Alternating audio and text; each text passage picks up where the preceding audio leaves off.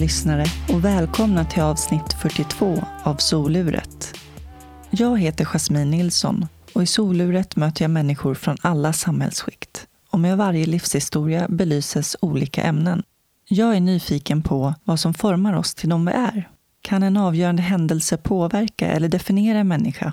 Eller är det årsringarna som formar oss? Hur påverkar miljöer och människor oss? Hur påverkas våra vägval av våra förutsättningar? Dagens intervju spelades in i Dieselverkstan i Stockholm och görs i samarbete med det internationella hjälpmedelsföretaget Invacare. Idag får ni möta Mikaela Laurén. Mikaela började simma redan som treåring och tog senare 16 individuella SM-guld i simning och slog tre svenska rekord. När hon var 28 år lade hon baddräkten på hyllan och hamnade sedan snett i livet, vilket ledde till ett 14 månaders fängelsestraff. Väl frigiven var hon revanschlysten på livet och bestämde sig för att bli bäst i världen på proffsboxning. Här kommer Mikaela.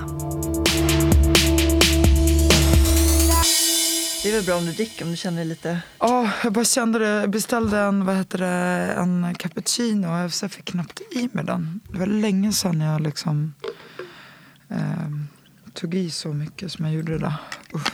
Man undrar varför man gör så mot sig själv.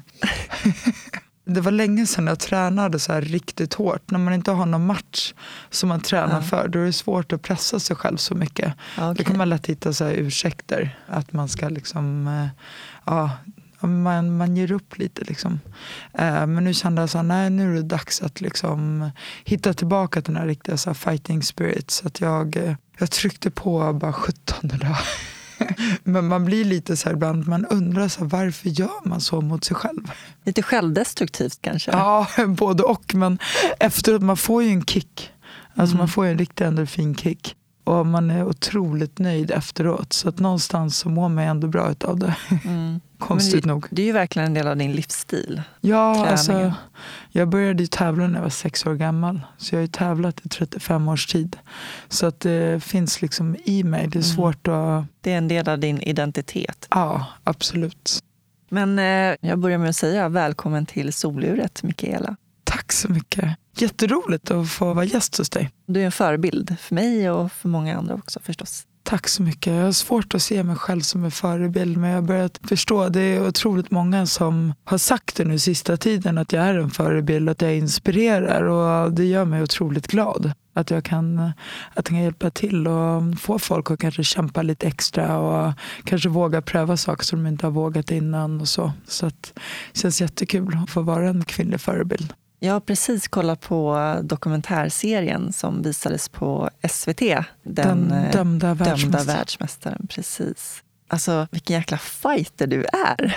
Ja, det är det. Alltså, jag är ju inte bara fighter i ringen utan jag känner mig faktiskt verkligen som en fighter i mm. livet först och främst. Jag förstår det. Ja, men vi ska säga det, du är för detta eltsimmare och för detta proffsboxare eller ser du dig fortfarande som proffsboxare? Jag är väl egentligen före detta nu. Även mm. om jag har svårt att acceptera det så, så har jag ju faktiskt lagt handskarna på hyllan. Jag håller fortfarande igång med träningen men jag har inga fler matcher inplanerade och har väl tagit beslutet att, att jag måste gå vidare med livet. Som proffsboxare är du obesegrad i kategorin superweltervikt.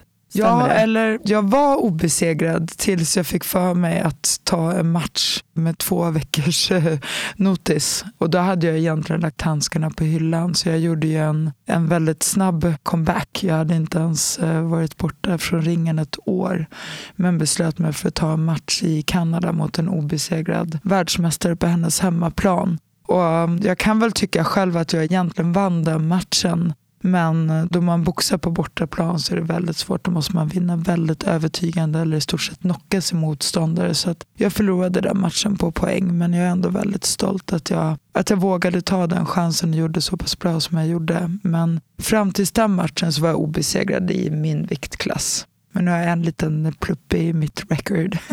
Och eh, idag så är du personlig tränare, föreläsare och motivatör. Ja, det stämmer. Du var ju med i Mästarnas mästare här också, ja. senaste säsongen. Alltså det har verkligen förändrat, eh, jag ska inte säga kanske mitt liv, men det har förändrat folks eh, uppfattning om mig.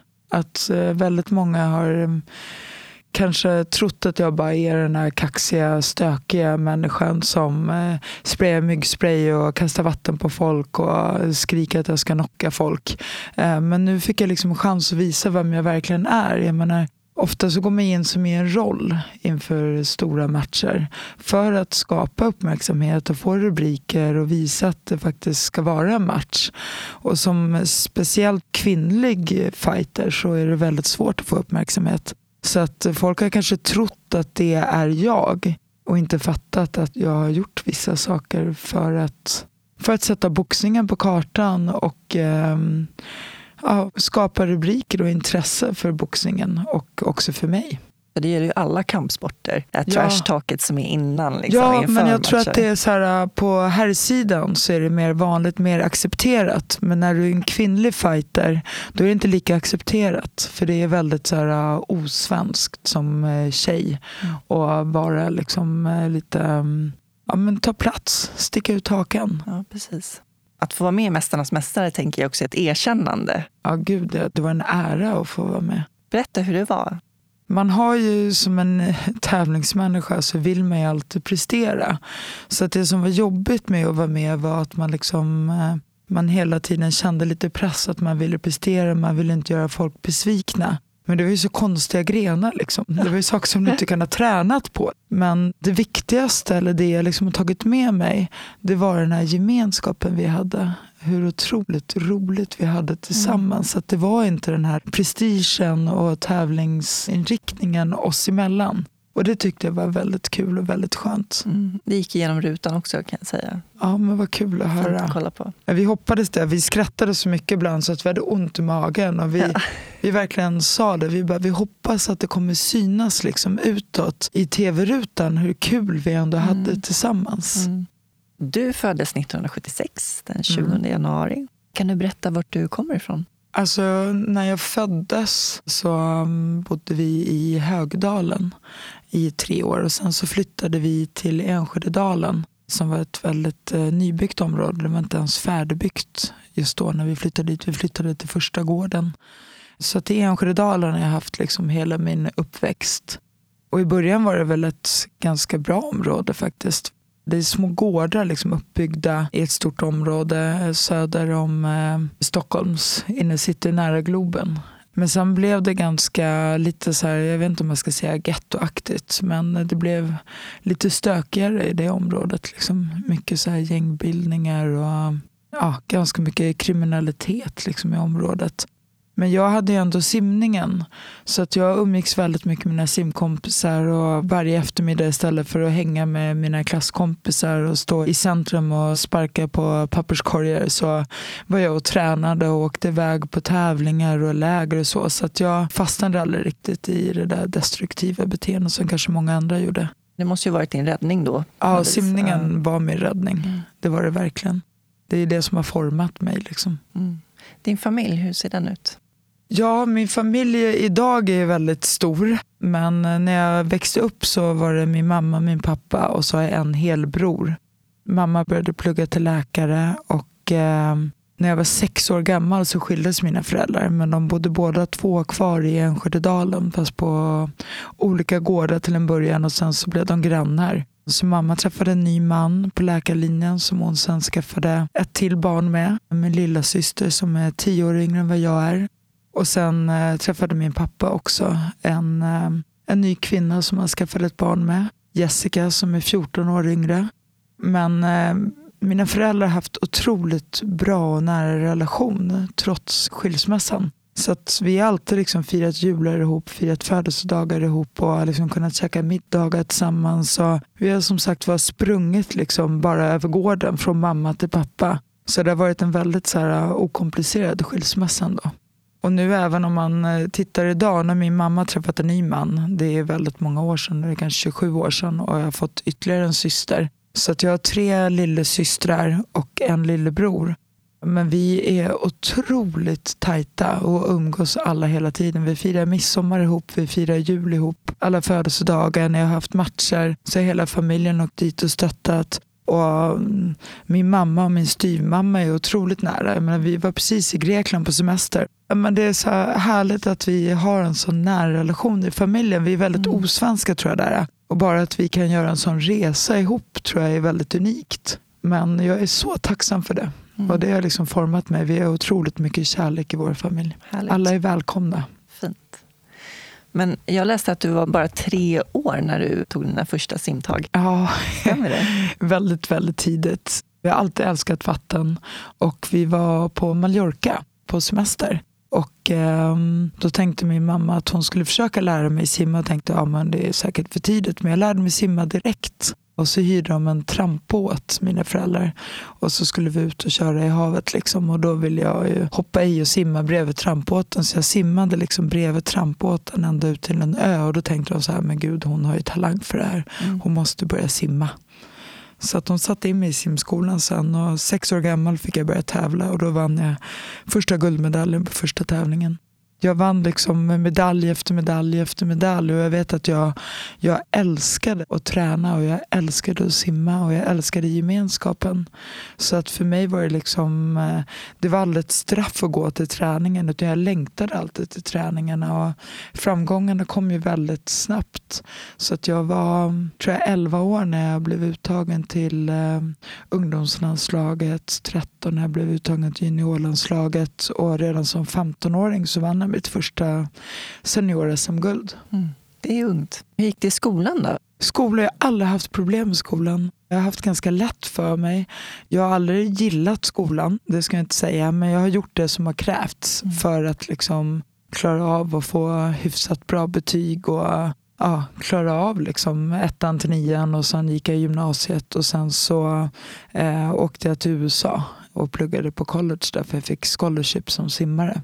För du blev rekryterad ja, eh, till precis. en skola där? Precis. Jag pluggade på University of Nebraska i Lincoln. Otroligt duktigt simlag hade de. Eller de var väldigt duktiga med idrott allmänt. Jag tror vi var topp tre i USA. Om man liksom räknade ut alla idrotter. Liksom snittade på hur bra vi var. Så det var en väldigt bra skola att gå på om man skulle hålla på med idrott. Vi hade USAs bästa um, amerikanska fotbollslag. Så att skolan hade väldigt mycket pengar. Så vi hade väldigt mycket förmåner. Vi hade bra mat för idrottarna. Vi hade bra med läxhjälp. Och, ja, allt var väldigt eh, fräscht och bra. Liksom. Mm. Så att jag, jag har aldrig haft problem med skolan. Jag är kanske inget läshuvud. Men jag har liksom gjort det som krävs för att klara av det som behövs för att liksom, eh, få mitt, eh, mina betyg. Du beskrev det som att det var liksom mycket kriminalitet i det området där du bodde. Så kom du undan det med tanke på simningen, att du liksom ja. hade en sysselsättning. Precis. Påverkade det dig på något sätt? Ja, men att man kanske inte hade den där moralen riktigt. Man tyckte att saker och ting var okej. Okay.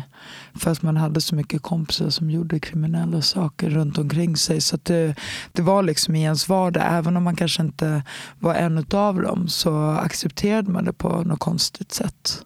Sen har väl jag liksom alltid gjort saker utan att tänka mig för. Så jag har väl kanske inte gjort så jättekriminella saker men jag har alltid varit lite, lite busig av mig och tyckt att det är okej. Okay, liksom. Alltid gillat att stå i centrum och få uppmärksamhet för lite tokiga saker.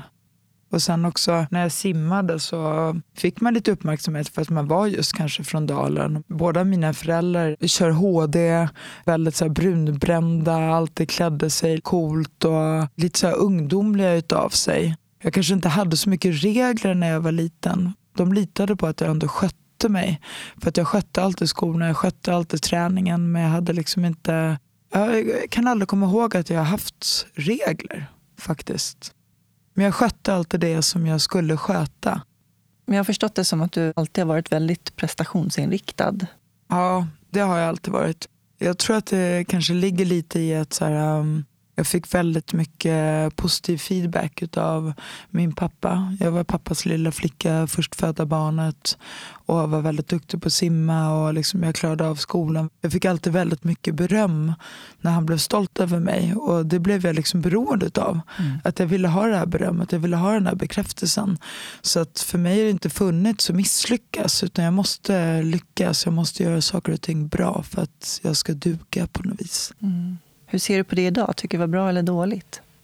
Alltså, det är svårt att säga. Självklart så kanske jag hade en dålig liksom, självbild av mig själv. Att jag måste prestera för att duga. Men samtidigt så har det också varit bra för att då har jag ju lärt mig att prestera.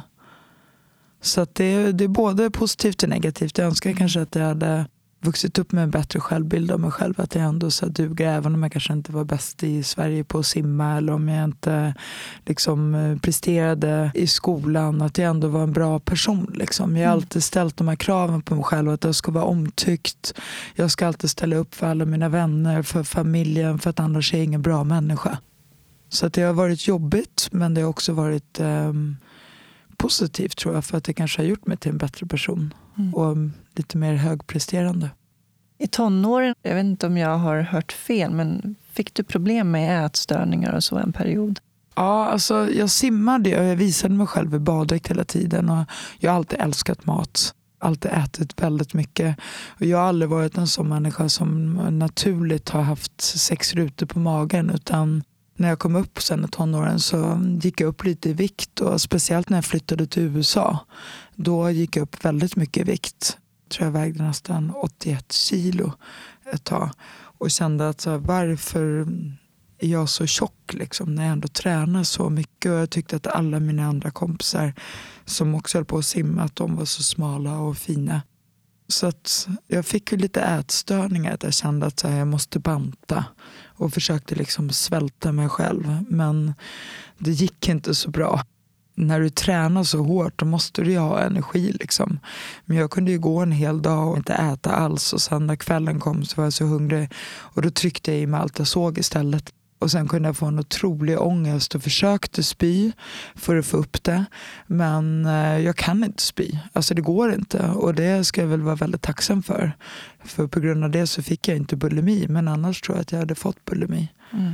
Men till slut så lärde jag mig att så här, försöka äta lite nyttigt och träna på ett annorlunda sätt och äta lite oftare, lite mindre portioner, mer liksom regelbundet. Så det är någonting som jag bara har lärt mig. Jag är fortfarande Alltså jag är väldigt medveten om liksom hur min kropp ser ut. Men eh, jag kan liksom leva med att jag inte har sex rutor på magen. Jag känner mig ändå så här, men jag är 43 år gammal och tycker ändå att jag ser väldigt bra ut. Och jag lever livet. Jag kan unna mig själv och äta onyttigt så länge jag tränar och inte liksom går till överdrift åt något mm. håll. Så du tog dig ur det själv på något ja. vis? Att du ändrade inställning? Ja, jag var faktiskt helt själv. Och det är många mm. som kanske behöver få hjälp med det.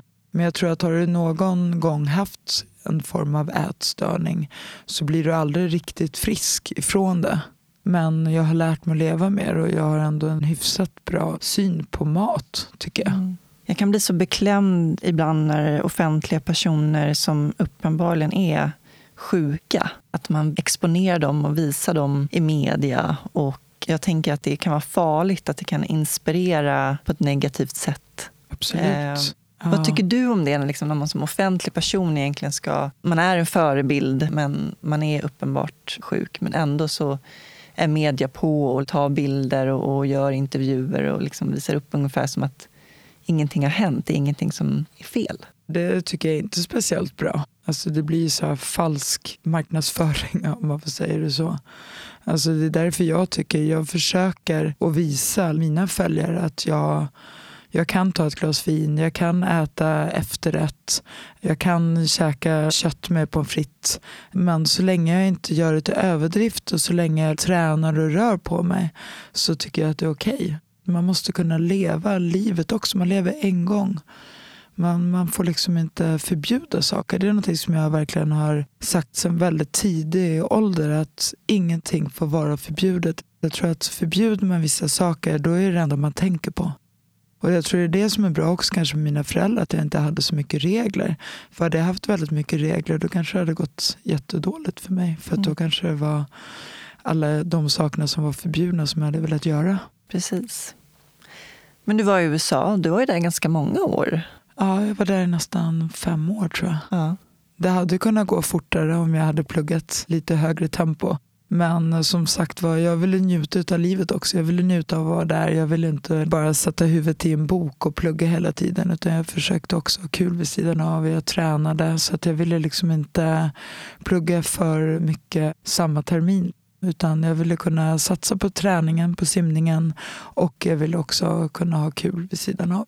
Så det tog lite längre tid. Det som har slagit mig är att du är väldigt vältalig. Jag, jag lyssnar på intervjuer och du är väldigt bra på att formulera dig och eh, uttrycka dig. Vad tror du att det kommer ifrån? Ja, det är väldigt många som säger det. Gud, du är så mediatränad. Men jag är inte mediatränad. Men jag tror att eh, jag kanske började göra intervjuer tidigt. Sen pluggade jag faktiskt till journalist också i USA. Så okay. att det kanske har kommit någonting därifrån. Jag vet inte.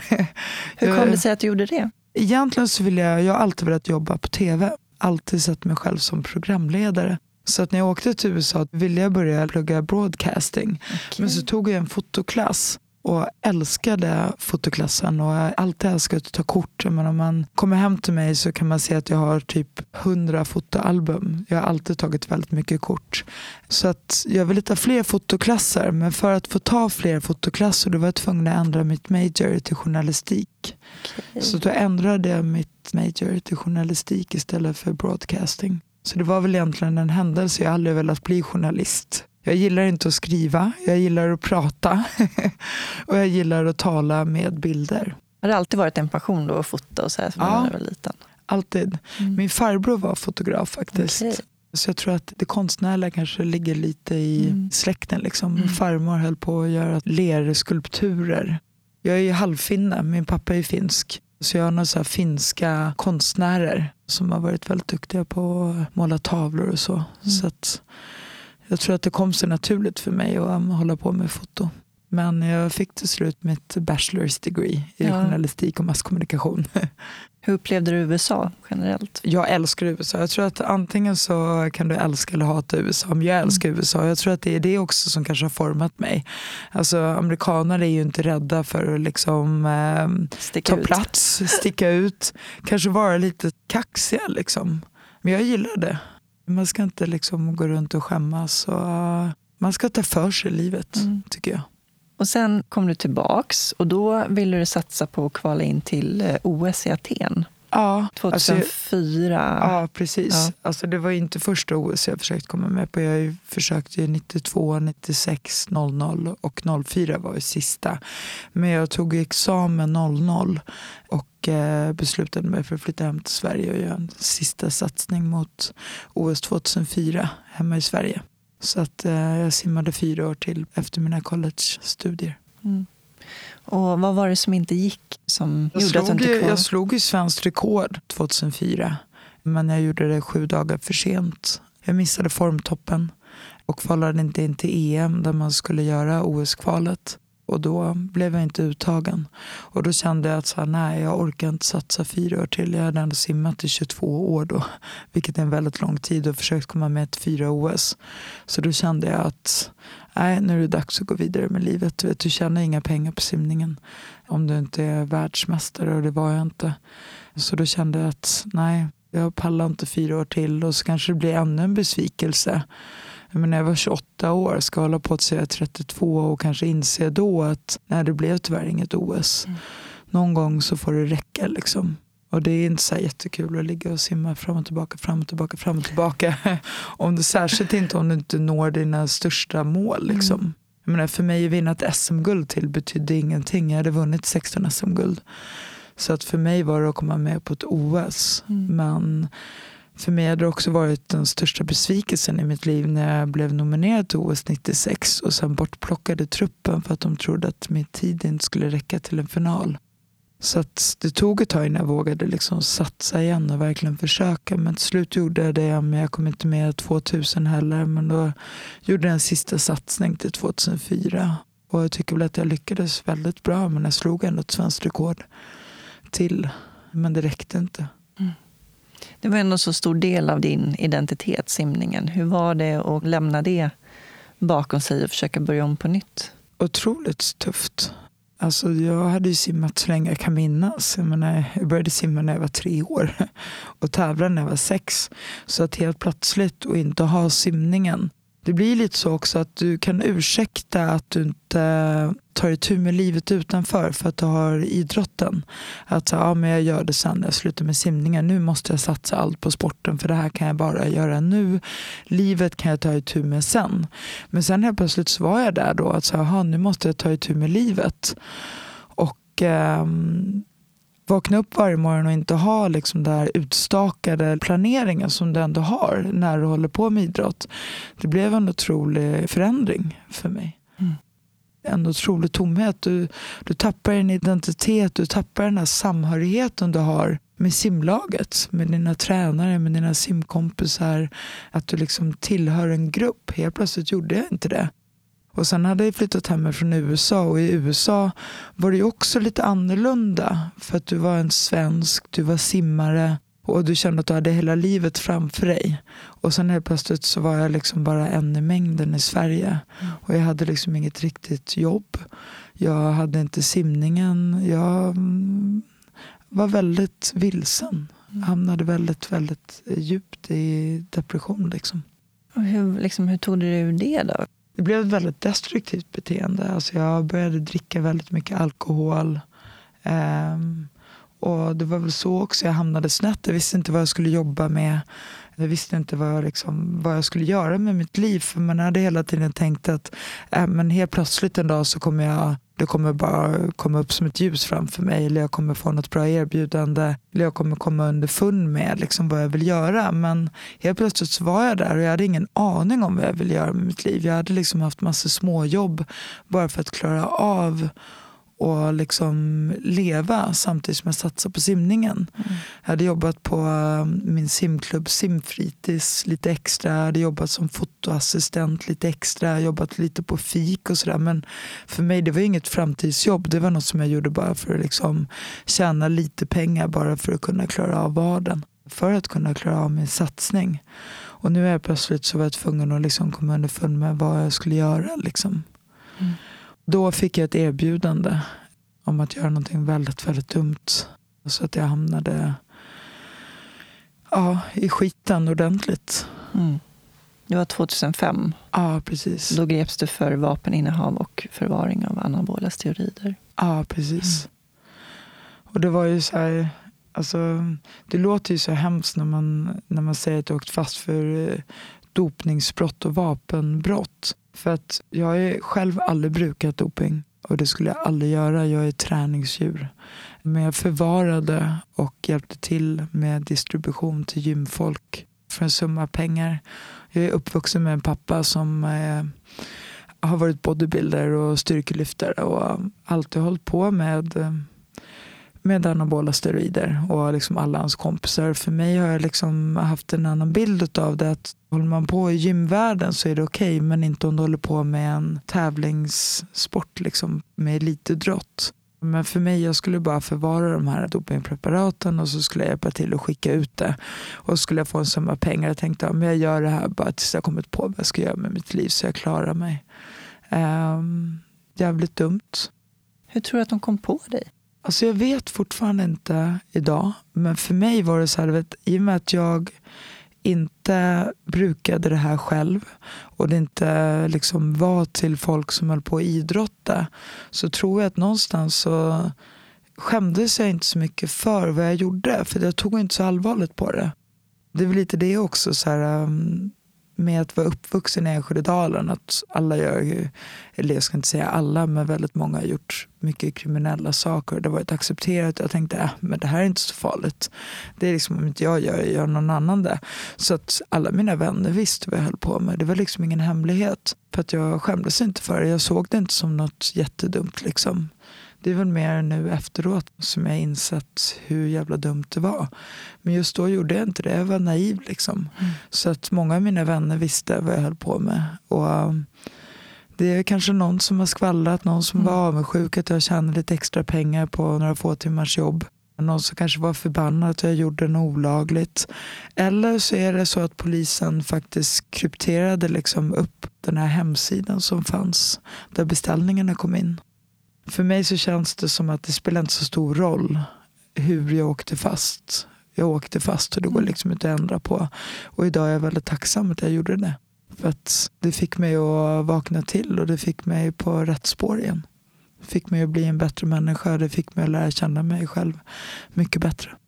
Du fick 14 månaders fängelse på en kvinnoanstalt. Ja, precis. Ja, du har beskrivit det som att det gjorde dig till en bättre människa den ja, tiden. Du fick rannsaka dig själv. Precis jag fick tid att tänka, väldigt mycket tid att tänka. Mm. Och liksom fråga mig själv liksom hur jag kunde hamna i den situationen. Liksom att för mig var det kanske just den perioden att det ytliga var lite för viktigt. Att liksom kunna köpa snygga kläder och gå ut och äta goda middagar och resa och tjäna enkla, snabba pengar istället för att liksom ta ett normalt bra jobb istället liksom ställa sig på ICA kanske jobba 8 till 5 och tjäna en, eh, en normal lön tills jag kommer på vad jag verkligen vill göra. Du beskrev också att eh, du tyckte att alla skulle egentligen behöva sitta inne. Ja, men att få känna på det här och vara en så här riktig mm. underdog. Alltså när du sitter på fängelset, du är ju inte kaxig. Alltså, mm, du har ju de här, du är ju frihetsberövad. Det var ju en otroligt eh, liksom, jobbig sak. Det var ingenting jag var van vid överhuvudtaget. Eh, att ha de här reglerna och du är inlåst och du måste liksom måste göra vissa saker hela tiden. Du fick inte ringa när du ville, fick inte träffa andra människor. Eh, och du var tvungen att sitta av den där tiden. Liksom. Tjäna av ditt straff. Det är väldigt viktigt. Och um, känner jag att jag har varit i den situationen. Jag skulle inte vilja göra om det. Så att nu skärper jag mig och sköter mig ordentligt. Men eh, jag vill inte ha tiden ogjord. Absolut inte. Mm. Berätta om tokslingan. Tokslingan. Ja, verkligen eh, rätt namn. Alltså, det var utanför den här anstalten så hade vi som ett, en liten slinga 350 meter lång, liksom, som en liten gåstig som gick runt som en sol. Liksom. Och där fick vi gå på rasterna och efter liksom själva arbetsdagen eller skoldagen var slut som vi hade där på anstalten. Då gick jag ut och gick runt i tokslingan. Och man, den kallas för tokslingan för att du gick varv efter varv efter varv efter varv så till slut kunde du bli tokig. Ja, jag gick hundra varv en gång. Eh, wow! Ja, Hur lång tid tog det? Eh, sprang, ska vi säga. Det tog väldigt lång tid. Men jag är en sån människa som ska jag göra någonting, då ska jag göra det ordentligt. Jag gör inga saker halvdant. Så att jag började träna väldigt mycket där inne på anstalten också, för det är det jag kan. Jag vet hur jag ska liksom pusha mig själv fysiskt. Kanske inte psykiskt på samma sätt, men fysiskt är någonting jag kan. Mm. Och då fick jag för mig att jag skulle springa maraton. Så att jag började träna inför maraton inne på okay. anstalten. Så att det blev ju lite till överdrift. Varför kunde jag inte börja med att säga att jag ska springa Tjejmilen? Liksom? Ja. Nej, då är det maraton såklart. Allt ska vara värst. Du började även träna interna? Det var eh, så häftigt att få hjälpa till och inspirera och få folk som kanske aldrig har tränat i hela sitt liv och pröva på och köra. Liksom, vi körde lite så här enkel cirkelträning. Men det var så ganska spartanskt gym där inne. Men um, jag har väldigt bra fantasi när det kommer till träning för att jag har gjort det mesta själv. Så att jag har satt ihop träningspass åt de intagna tre gånger i veckan. Så alla som ville skulle få möjlighet att pröva på att träna och så hjälpte jag till. Jag tror att det liksom alltid har funnits så naturligt i mig. För jag har alltid älskat att pusha på och heja på mina klubbkamrater och hjälpt till med fysträning. Men nu så insåg jag att så här, men gud, det här kanske ska bli mitt yrke. Det är kanske det här jag ska syssla med. Att hjälpa folk och liksom, eh, uppskatta träning och klara av saker de inte trodde var möjligt. Mm. Men det fick ju mig också att klara av vardagen där inne lite bättre. Att du hade de här små liksom, eh, vad ska man säga, godbitarna liksom, mm. i livet. Hur förhöll sig omgivningen, dina anhöriga, dina närstående? Hur reagerade de? Det var väldigt olika, men eh, de flesta människorna vet vem jag är och liksom eh, vet att ibland så bara gör jag saker utan att tänka mig för. Att sån har jag alltid varit. Att jag bara kan få lite ryck och göra lite tokiga saker. Så att impulsiv? Näst, ja, väldigt, väldigt impulsiv människa. Så de flesta av mina vänner och liksom hela Simma Sverige fanns vid min sida och stöttade mig. Och liksom, eh, min familj också. Att alla liksom ville bara att jag skulle klara av den här tiden och lyckas komma tillbaka. Sen självklart finns det ju folk som kanske dömde mig också. Att hur kunde jag vara så dum liksom. Men eh, överlag så fanns i stort sett alla kvar. Mm. Inte alla, men nästan alla. Mm. Och verkligen stöttade mig och tog mig igenom det här. Och det kan jag säga att utan mina vänner och min familj hade jag inte klarat av det här så bra som jag gjorde. Nej, förstår det. Det är avgörande. Ja. Alla motgångar så är man ja. beroende av sina närstående och deras stöd. Men när man satt där på anstalten och insåg att vissa av de andra kvinnorna som satt där, de hade ju ingenting att komma ut till. De hade liksom ingen familj, de hade inga hem, de hade inga drömmar och mål eh, eller jobb. Att för dem var det liksom semester att vara där inne. Mm. Medan jag kunde inte vänta tills jag kom ut mm. för att få ta itu med livet.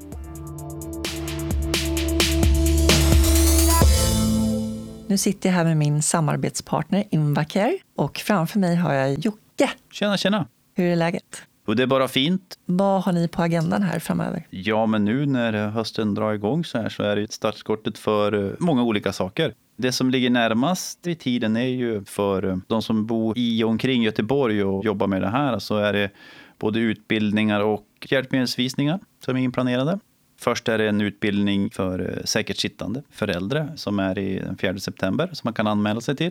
Stora grejen är ju i samband med en hjälpmedelsvisning som vi har, Invacare, på våra lokaler där man har möjlighet att se alla våra produkter, träffa alla våra representanter som finns, träffa dem, fråga dem, skälla på dem, hylla dem. Och givetvis får man fika och sånt också under den här dagen. Och den är den 17 september. Ni håller också i många utbildningar och workshops Ja, precis. Det finns ett flertal utbildningar inom olika områden så att det ska passa alla våra förskrivare beroende på vad man jobbar med. Det ser lite olika ut på lite olika ställen i Sverige, men grunden är densamma. Det ska vara relevant så att man kan ha nytta av dem i vardagen på jobbet. Bra. Tack så mycket Jocke. Tack ska du ha. En fortsatt bra dag. Detsamma. Tack så du ha. Hej, hej.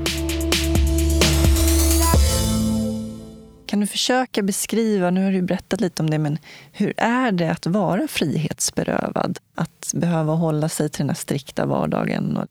Jag tror att jag har liksom försökt förtränga lite av den tiden. Det är ju väldigt lång tid sedan nu faktiskt.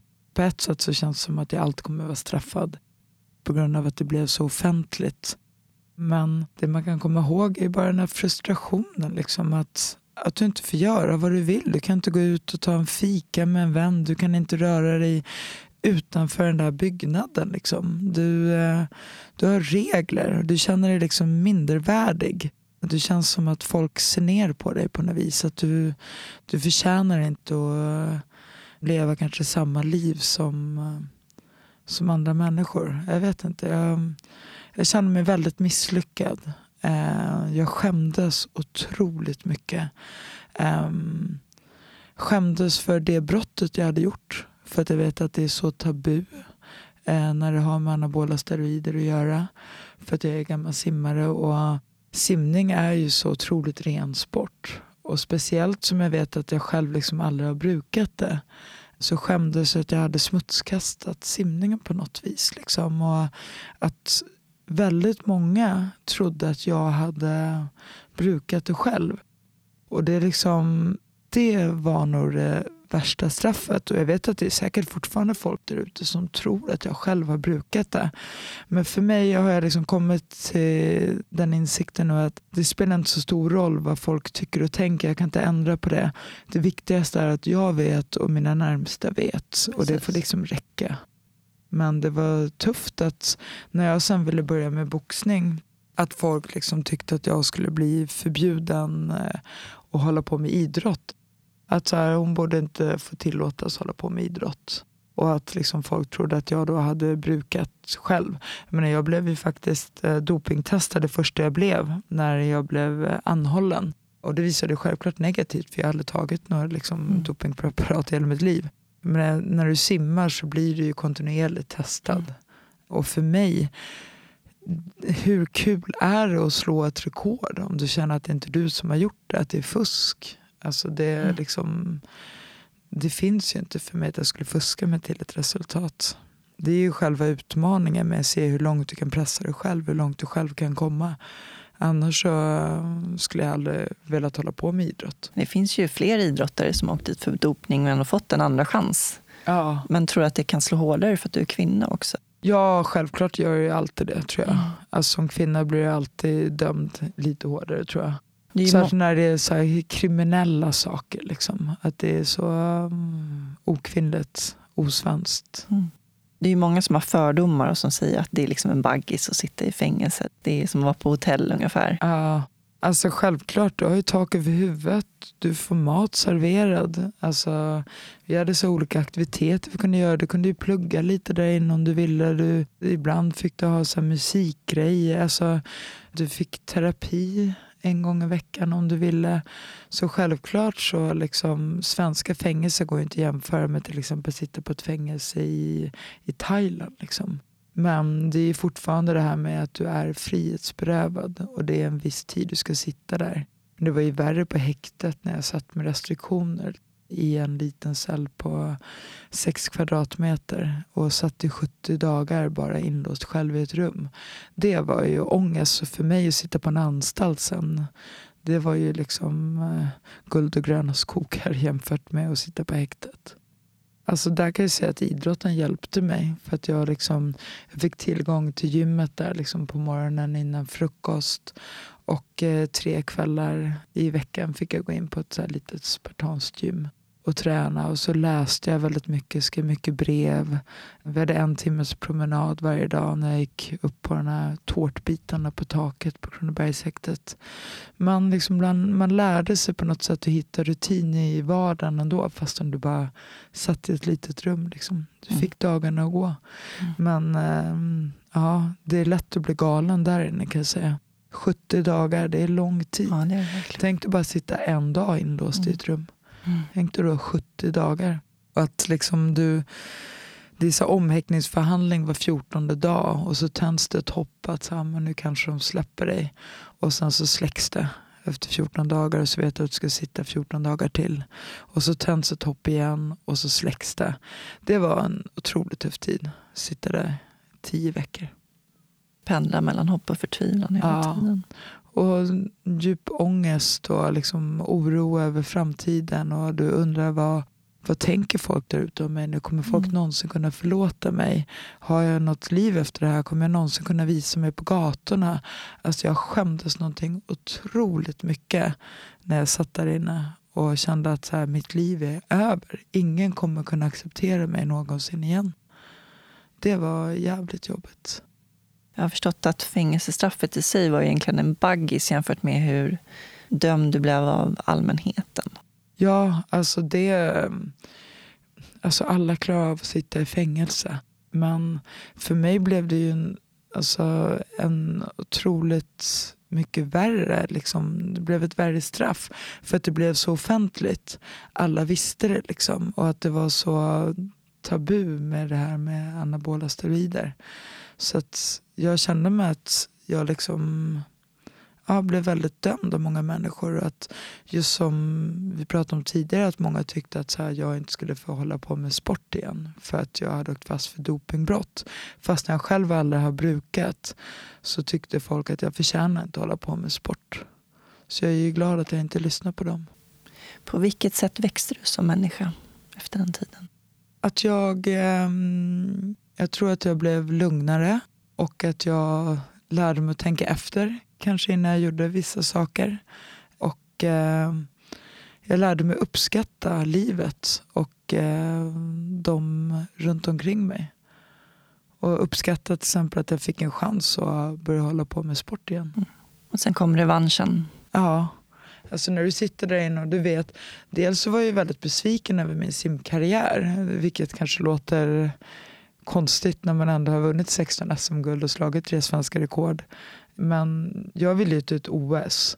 Och när jag då inte nådde OS för fjärde försöket i rad så kände jag mig misslyckad. Att så här, jag hade inte alls nått de framgångarna jag ville i simning.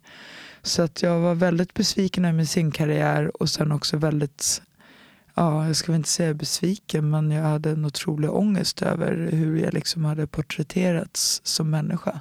Som en kriminell, eh, dålig människa.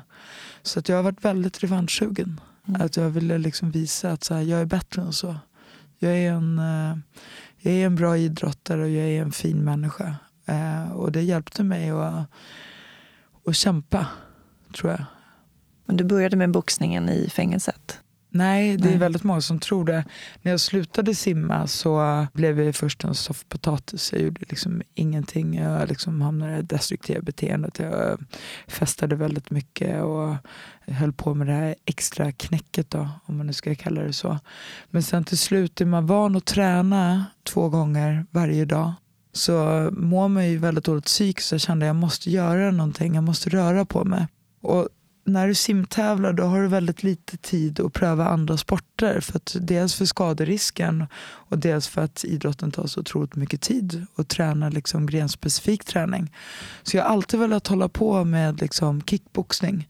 Eh, jag tänkte att nu har jag chansen att kanske pröva på det.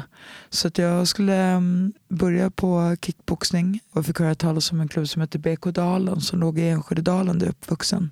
Men när jag kom dit så fanns det ingen kickboxning utan bara vanlig traditionell boxning. Så jag prövade på det och blev helt förälskad i sporten. Och gick, det var tre motionspass i veckan. Så jag började gå på alla de tre passen varje vecka. Utöver det så hade jag inte så mycket annat i livet. Men sen åkte jag ju fast. Men boxningen hade liksom väckt det här intresset till mig och den här tävlingsgrejen. Att jag redan började tänka så här, gud jag kanske borde gå matchen då. Kanske borde försöka tävla i boxning. Jag kände att jag hade talang för det. Men sen åkte jag ju fast. Så jag hann liksom aldrig gå någon match. Men eh, när jag sen släpptes så tog jag upp boxningen igen. Och då var det fortfarande inte tillåtet i Sverige att utöva boxning? Eh, proffsboxning var inte tillåtet, mm. men jag började som amatör. Mm. Så min första liksom, tanke var väl kanske inte att bli proffs, utan jag ville bara pröva att gå någon match. Och sen så tänkte jag att men fan, jag kommer inte med till OS i simning, kanske jag kan komma med till OS i boxning. Bara det att på den tiden då var det en regel att du fick inte vara över 34 år om du höll på med amatörboxning. Och just då så fanns det inte damboxning på OS. Så att eh, jag tänkte ja, men till nästa OS kommer det säkert vara tillåtet för det hade redan börjat bli snack om det. Men då hade jag varit för gammal. Så då bestämde jag och min tränare oss för att jag skulle försöka bli proffs. Jag tävlade bara ett år som amatör och sen gick jag över till proffs. Det är ju inga små ambitioner direkt att sikta på Nej. OS. Det första man gör. Nej, men jag tror att så här, har man varit elitidrottare ja. då, liksom, då nöjer man sig inte med att vara bara en i mängden utan då vill du liksom nå toppen mm. direkt. Annars är det ingen idé att hålla på känner jag. Så jag bestämde mig väldigt, väldigt snabbt att nej, nu, nu ska jag verkligen satsa på det här och jag vet att jag, jag kan lyckas. Men första målet var ju att vinna ett SM-guld. Liksom. Det var inte att bli sexfaldig världsmästare. De målen liksom växte fram sen. Mm. Jag läste på lite just om boxning och det var 2007 som det blev tillåtet. Och... Ja, precis. Det var ju förbjudet i 30 års tid i Sverige. Så att det blev ju tillåtet precis när jag började med boxning igen. Mm. Så blev proffsboxning tillåtet i Sverige. Men det var inte så många som vågade göra galor. Liksom, för att folk trodde fortfarande att det var förbjudet. Och intresset hade ju sjunkit något enormt för proffsboxning i Sverige. Folk tyckte att det var liksom en smutsig, dålig sport. Liksom, hålla på. Folk som slåss mot varandra. Så att i början det var det tufft att få matcher. Liksom. Ja, man får ju se där i dokumentärserien hur du kämpar som ett svin. Du är ju tvungen att göra allting. Ja. Du ska arrangera gala, sätta upp postrar överallt och få sponsorer. Och... Alltså jag fattar inte hur du har orkat. Och det, ja, det... det är specifikt där så är det, du ska gå match i Trinidad. Oh, du kämpar som ett djur. Liksom. Alltså det... nu kan man ju så skratta åt det. det. Men det var ju liksom, det är ju som en så här, parodi. Liksom. Eh, jag fattar inte. Jag fick verkligen göra allt själv. Och hade jag insett det när jag började, det låter ju väldigt så här, glamoröst att bli proffsboxare. Men det var liksom allt ifrån glamoröst. Mm. Alltså, du får ju liksom knappt betalt när du går matcher, om du ens kan få matcher. Jättesvårt att hitta sponsorer. Alltså jag fick ju verkligen ja, men göra allt själv, jobba vid sidan av. Men jag jobbade som dörrvakt på helgerna, jag jobbade på ICA i veckodagarna och på kvällarna. Jag jobbade extra som eh, personlig tränare och som boxningsinstruktör på gym. Och jag tränade och jag försökte fixa sponsorer och jag fixade galor. Och försökte alltså, liksom fixa matcher utomlands. Ja, man får ju bara magsår av, av att se det, hur du håller på. Liksom, och Ibland, jag undrar vad liksom... Gick du inte in i väggen? Jag, jag var nog på väg väldigt många gånger att gå in i väggen. Alltså det var ju vissa dagar jag hade väldigt lätt till tårar. Det har jag i och för sig allmänt lätt till tårar, lätt till skratt. Men eh, jag tror att liksom mitt driv att lyckas, den här revanschlusten och det här att jag visste att om jag verkligen bara ger lite till så kommer jag lyckas och då kommer det vara värt det. Att jag, jag såg det så klart framför mig på något sätt. Att det var liksom, det var det enda jag hade. Jag var tvungen. Liksom. Det, det fanns inget annat. Mm. Jag gjorde det som behövdes. Och tyvärr är väl det så för många kvinnliga idrottare. Ja, alltså, jag menar, du kan ju inte se en, en manlig världsmästare behöva lägga ner det där jobbet Nej. som jag har gjort. Liksom. Och mm. Det kan man tycka är väldigt orättvist, men det är vad det är. Och det är bara att gilla läget. Antingen så ger du upp eller så kämpar du och gör det som krävs. Mm. Och det är det jag har gjort och jag har ändå lyckats. Och jag är väldigt stolt över det. Och tacksam att jag har orkat och vågat tro på mig själv och har liksom försökt. Självklart så har det varit väldigt tufft ibland och jag har gått back när jag har gjort galor och liksom fått ta banklån. Och jag har inte alls tjänat så mycket pengar som folk tror. Om du är världsmästare, du är jätterik. Nej, det är jag inte. Jag eh, har liksom fått jobba vid sidan av och jag gör det fortfarande inte alls liksom samma som om det är en duktig skidåkare eller friidrottare eller liksom en manlig hockeyspelare. Eller, alltså, går inte att jämföra. Men för mig har det aldrig handlat om pengar. För mig har det handlat om utmaningen. Att liksom prestera. Det är det det handlar om. Försöka hitta sponsorer i Sverige tänker jag är svårt därför att det är fortfarande en ganska kontroversiell sport. Man tycker att det är farligt för man kan ju få bestående skador och ja. man slår mot en annan människa och uppmuntrar också publiken till att slåss och så vidare. Ja. Hur, hur tänker du kring de fördomarna? Hur ska man slå alltså hål på mig, det? Jag har aldrig sett på boxning som en sport där man slåss, utan för mig är det en sport. Alltså det, är så här, det handlar om hur skicklig du är i ringen. Liksom. Hur teknisk du är, hur taktisk du är.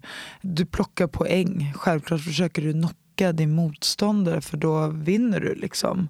Men båda är ju där um, Lika liksom, villkor? Ja, på lika villkor. Du har en domare som är där och ser till att allt går rätt till och som skyddar också en av utövarna om någon får för mycket stryk. Du är ju inte där för att skada någon annan. Liksom. Sen är det ju vissa som har blivit skadade och fått liksom hjärnskador.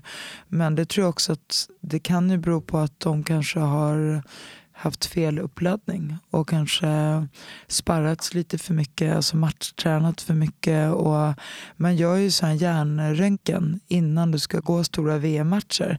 Men jag tycker att man kanske också borde göra hjärnröntgen efter matcherna. För att när du väl har gått en match och du kanske har liksom fått väldigt mycket slag mot huvudet då borde man kolla hur det ser ut i hjärnan innan du går till träningslokalen och kanske sparras igen. Det var ju det som hände Erik Skoglund. Att han hade ju fått en skada från sin match och sen gick han till träningslokalen och under en liksom träningsmatch så fick han en hjärnblödning och var nära att stryka med. Så det är ju det är en farlig sport och det, det ska jag inte sticka under stol med. Liksom, att det, man måste ha respekt för det.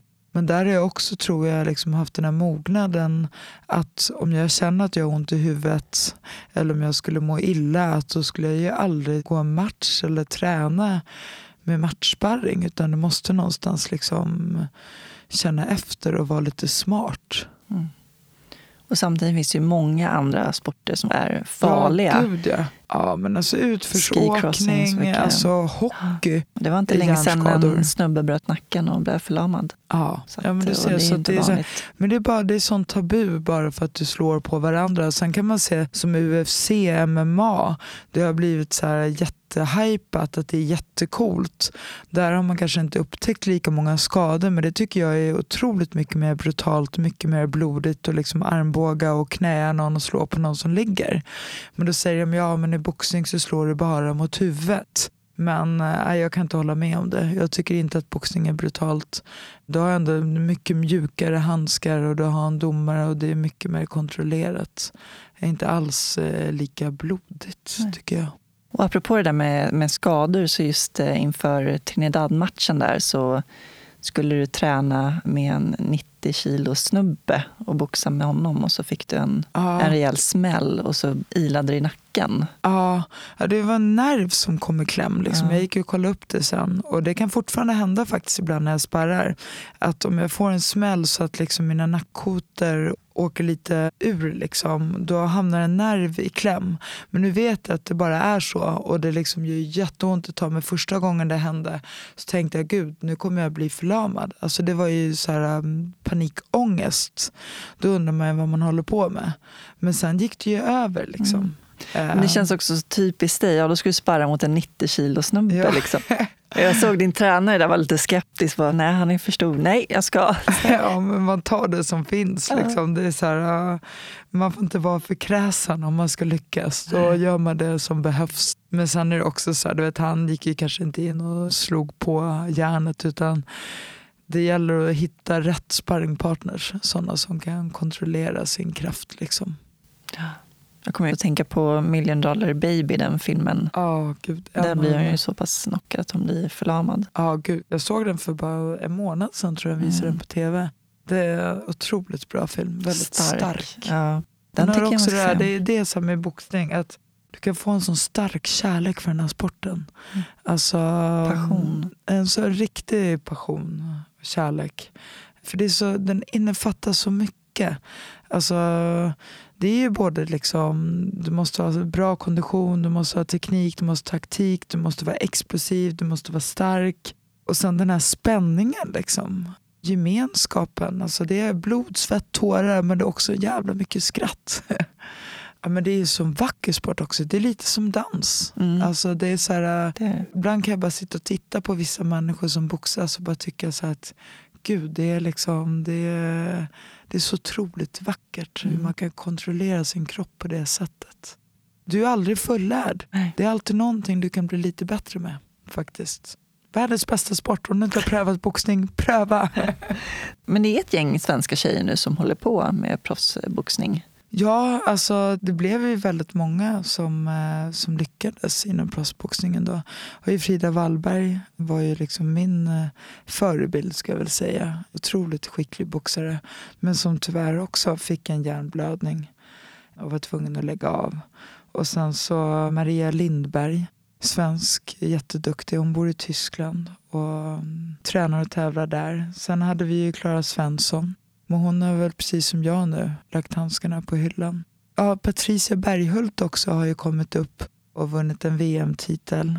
Och sen har vi Elin Cederos också, min mest frekventa sparringpartner som precis vann en IBF-titel faktiskt. Så att vi har väldigt många, alltså nästan alla tjejer som har börjat med boxning i Sverige har blivit världsmästare. Mm. Så att eh, vi är otroligt framgångsrika på damsidan inom eh, proffsboxning. Det är häftigt. Ja, det är väldigt häftigt. Mm. Det ska vi vara stolta över. Hur ser livet ut idag? Livet idag, eh, jag tränar fortfarande väldigt mycket för jag älskar att träna. Mm. Alltså det, träningen ger mig så otroligt mycket så jag tränar väldigt mycket fortfarande. Även om det har blivit mest styrketräning. Jag har fått en eh, nyfunnen kärlek till styrketräning mycket tack vare att jag hittat en väldigt bra personlig tränare som heter Reda Negm. Som jag önskar att jag hade hittat mycket tidigare i livet för då tror jag att jag hade lyckats ändå bättre i boxningen. Men hellre hitta honom sent och få njuta av hans kunskap och hjälp nu än aldrig. Så jag tränar mycket, jag jobbar som personlig tränare. Jag har fortfarande boxningsklasser två gånger i veckan på mitt gym, som det heter. Jag jobbar med, mm, håller föreläsningar. Jag vill åka runt och inspirera folk och liksom få folk att tro på sig själva och inte ge upp utan kämpa. Och sen så um, håller jag på att starta ett nytt projekt med Martin Lidberg som heter Lidberg och Laurén. Um, ett märke där vi ska börja sälja t-shirtar bland annat med positiva affirmationer på. För det är någonting som vi har jobbat väldigt mycket med inom idrott. Att man hela tiden ska tänka positivt. Och det är så mycket psykisk ohälsa där ute just nu i Sverige. Så att vi kommer donera lite pengar för varje såld t-shirt till Mind, en organisation som jobbar mot psykisk ohälsa. De har bland annat Självmordslinjen. Så vi kommer gå in och bli ambassadörer för dem och försöka hjälpa till att minska psykisk ohälsa och försöka sprida positivitet runt om i landet. Härligt! Ja, och jobba med en människa som Martin Lidberg också som är en så otroligt stark eh, förebild han också. Det känns fantastiskt kul att liksom och göra någonting som också betyder någonting. Inte bara göra saker för att liksom tjäna pengar utan för att du har en mening. Och Det är det här med att vara personlig tränare till exempel och se folk få den här kicken av träningen och åstadkomma saker de inte trodde var möjligt. Det ger ju så otroligt mycket. Och sen så är jag ju faktiskt numera också gift. Jag eh, trodde aldrig jag skulle gifta mig men nu är jag gift. Jag har träffat världens underbaraste man som gör mig så lycklig. Och eh, mycket lugnare som människa, mer harmonisk. Min största fight i livet just nu är väl att jag vill bli mamma. Det var ju också en av anledningarna till att jag la av med boxningen fast jag kände att jag fortfarande utvecklas och fortfarande hade mycket att ge. Men någon gång så måste man liksom säga att det räcker. Och jag är 43 år gammal så jag har inte så många år på mig att kunna bli mamma. Vi har försökt ett år nu och jag har inte lyckats. Så vi får se om eh, vi kanske får gå vidare med IVF nu. Hur känns det? Um, det känns orättvist. Jag har alltid trott att när jag väl bestämmer mig så kommer jag bli gravid direkt om man tittar på statistiken i min familj så har vi inte haft problem med att bli gravida. Det är liksom, jag har hur många syskonbarn som helst och syskon. Så jag har alltid trott att det ska vara samma för mig. Men jag tror också att jag sätter den här pressen på mig själv. Att vad jag än gör så ska jag prestera. Och just nu så um, kanske jag sätter den pressen på mig själv och jag har ju inte så många bra ägg. Liksom. Utan äggkvaliteten blir ju sämre ju äldre du blir. Så att... Um, det känns, um, det känns, känns tufft. Jag trodde att det skulle vara enklare än så. Det är en sorg att känna att man inte kan bli gravid. Ja, det är klart. Men um, livet är inte alltid rättvist och mm. jag har inte gett upp. Ge upp är det sista jag gör, som du kanske har förstått. Mm. Så att uh, jag har fortfarande hopp uh, om att vi ska lyckas bli föräldrar. Jag håller tummarna. Tack så mycket. Jag hoppas verkligen det. Tack. Och det är många som säger, men tänk inte på det. Men alltså det är ju lättare sagt än gjort. Om du har bestämt dig så här, nu vill jag bli gravid. Och så sa men tänk inte på det. Alltså det är jättesvårt. Alltså det går ju inte. Vi har sagt nu så här, men nu försöker vi. Bara, vi njuter av sommaren ihop. och liksom Blir det så blir det. Blir det inte så gör vi IVF. Hur träffades ni förresten? Vi träffades på krogen faktiskt, på East av alla ställen. Okay. Han kom fram till mig, han hade precis sett den dömda världsmästaren som vi har pratat om. Oh. Vi är uppvuxna i samma område, han är åtta år yngre så när jag gick i nian gick han i ettan. Så jag kommer inte ihåg honom och han kommer ihåg mig. Och så hade han sett den här tv-serien om mig och eh, ja, inspirerades av mig och ville gå fram och liksom, eh, ja, ge mig lite positiv feedback. Och på den vägen är det. Sen föll jag. Mm. jag är otroligt tacksam och glad. Jag hade nästan gett upp om kärleken. Jag var ju 39 år när vi träffades. Men det är aldrig för sent. Man ska aldrig ge upp. Nej, verkligen inte. Även där har det visat sig att uh, ja, hoppet är det sista som dör. Mm. Och kärleken kan ju komma när du minst anar det. Vad innebär det för dig att vara människa? För mig att vara människa innebär det att att eh, jag får chans att uppleva saker. Få massor intryck. Skratta, få uppleva kärlek, alltså uppleva alla de här känslorna. Att man behandlar andra som man själv vill bli behandlad. Tror du på ett liv efter detta? Nej, det gör jag inte. Jag tror att du lever en gång och därför ska du ta tillvara på det livet. Jag har faktiskt carpe diem intatuerat. Det gjorde jag när jag var 18 år. Det är därför jag försöker verkligen ta tillvara på varje dag och göra det jag älskar.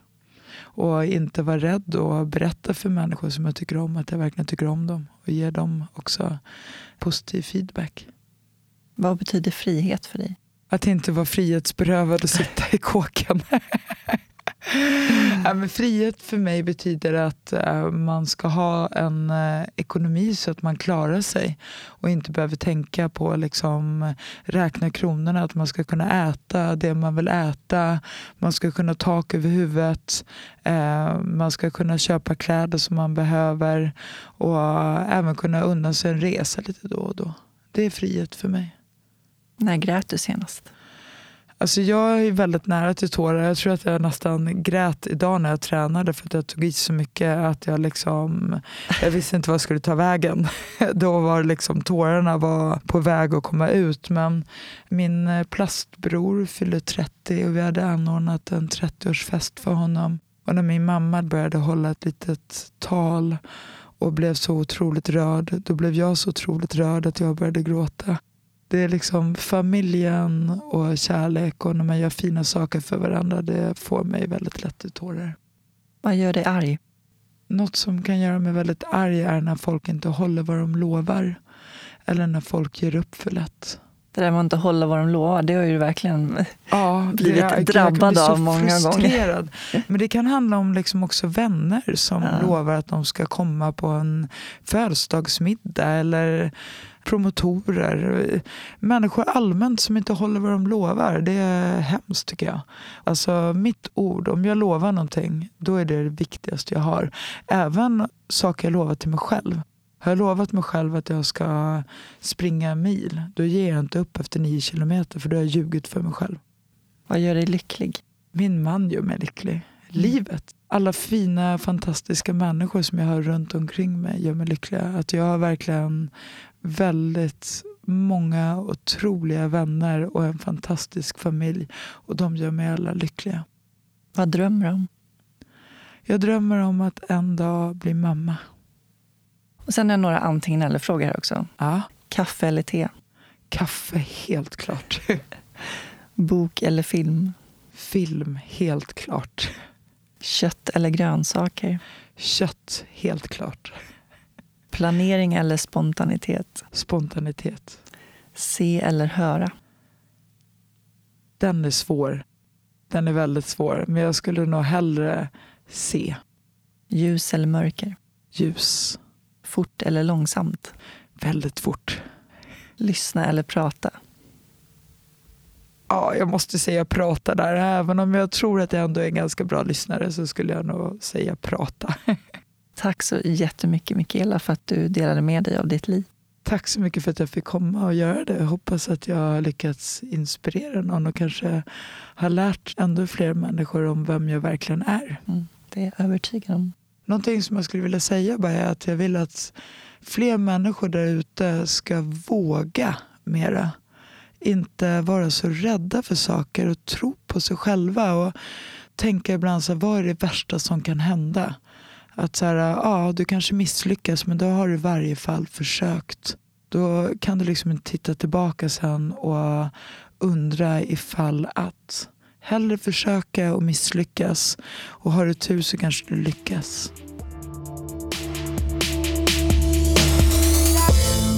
Mikaela går verkligen helhjärtat in i allt hon gör och är en sympatisk människa som inspirerar och berör. Om ni vill boka en föreläsning med Mikaela eller anlita henne som personlig tränare kan ni gå in på mikaelalauren.com eller kontakta Athenas talarbyrå. Soluret har en hemsida, solurutpodd.se.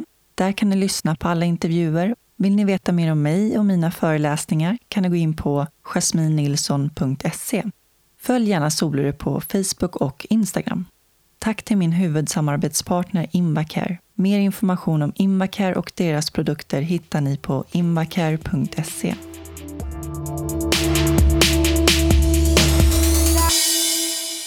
I nästa avsnitt får ni möta Nicole Blomgren.